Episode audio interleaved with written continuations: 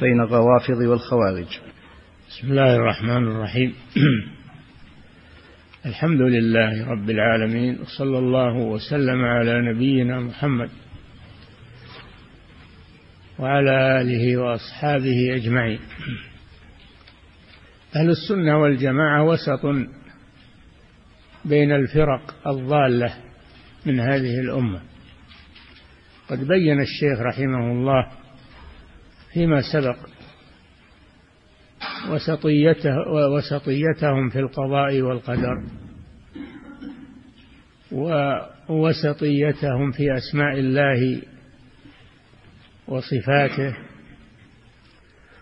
وبين في هذا في هذا الكلام وسطيتهم في أصحاب رسول الله صلى الله عليه وسلم.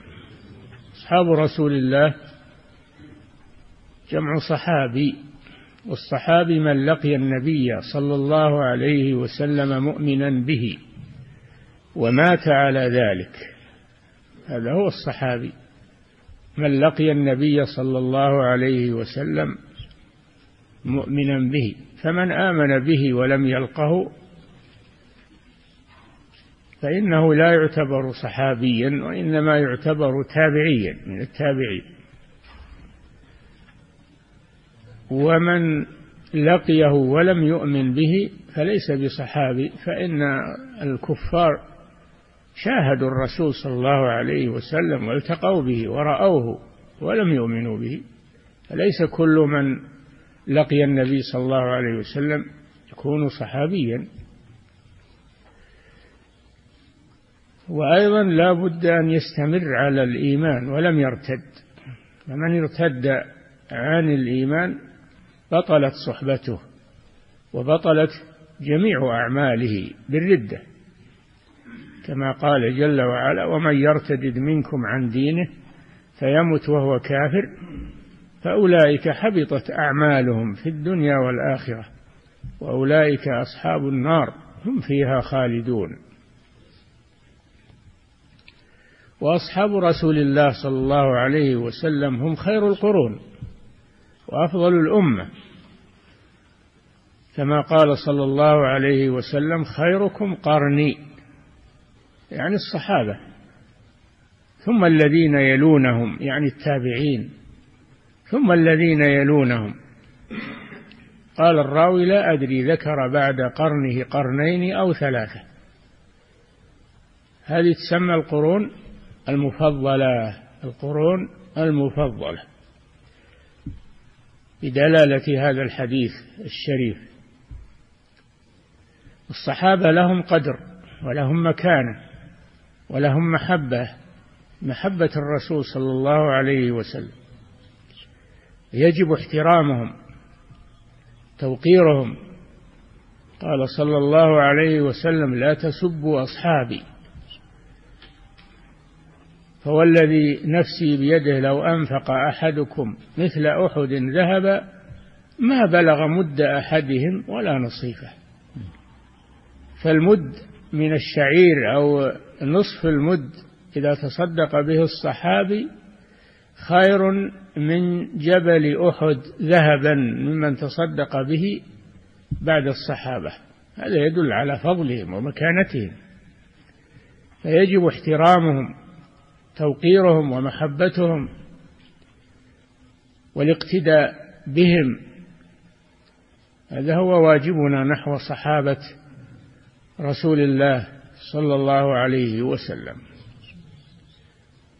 الخوارج كفروا الصحابة كفروا أبا بكر وعمر وعثمان وعلي لأنهم فهموا فهما من الأدلة لم يوافق لم توافقهم عليه الأمة. فكفروا من خالفهم. هؤلاء هم الخوارج سموا بالخوارج لأنهم خرجوا من الدين ونزعوا إلى التشدد والغلو في الدين والعياذ بالله. يصومون ويصلون ويقومون الليل ولكنهم لما لم يكونوا على إيمان وهدى صار عبادتهم تعبا بلا فائدة. قال صلى الله عليه وسلم تحقرون صلاتكم إلى صلاتهم وعبادتكم إلى عبادتهم يخرجون من الدين كما يخرج السهم من الرمية. الصحابة الخوارج يكفرون الصحابة ويكفرون من خالفهم ممن جاء بعدهم كل من لم يوافقهم على غلوهم وتشددهم كفروه. ولذلك أمر النبي صلى الله عليه وسلم بقتالهم قال اينما لقيتموهم فاقتلوهم لئن أدركتهم لأقتلنهم قتل عاد. مع كونهم من أشد الناس عبادة لكن العبادة إذا لم تكن على فقه وعلى دين لا تنفع صاحبها.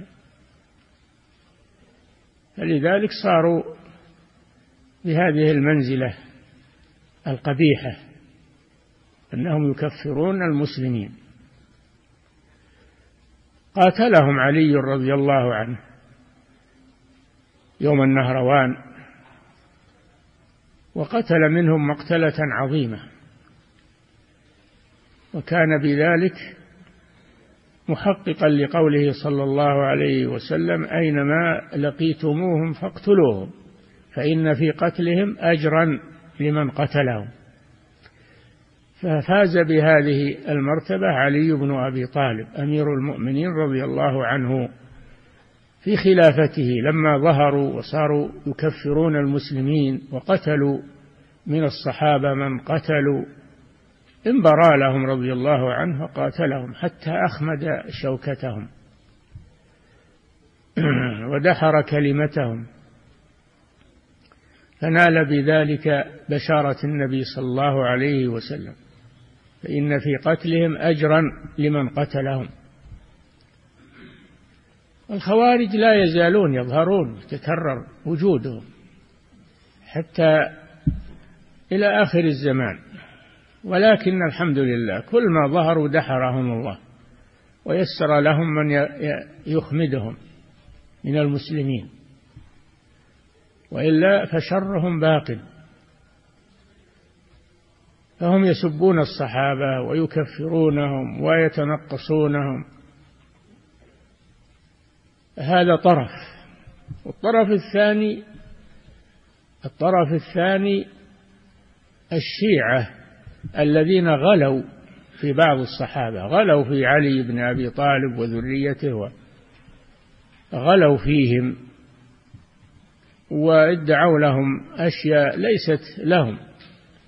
يقولون أن الخليفة بعد الرسول هو علي ولكن اغتصبها أبو بكر وعمر وعثمان يعتبرونهم مغتصبين للخلافة.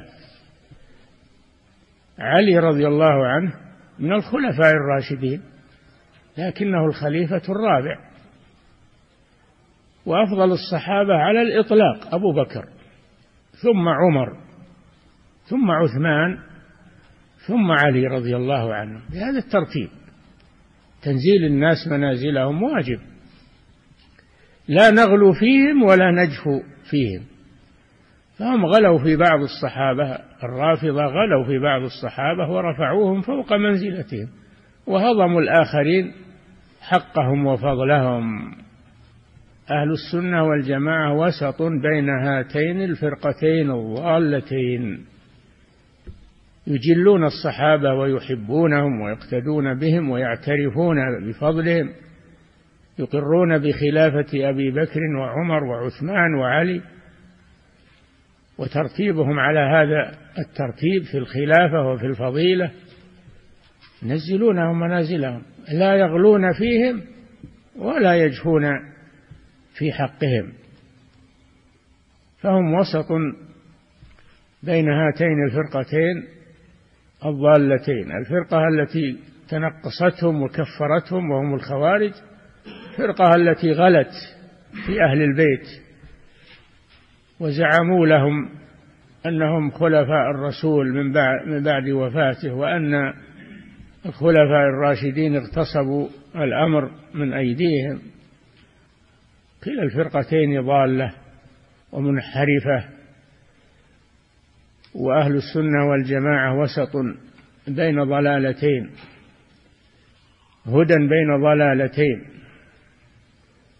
بما وفقهم الله من الامتثال لأمر رسول الله صلى الله عليه وسلم في حق الصحابة.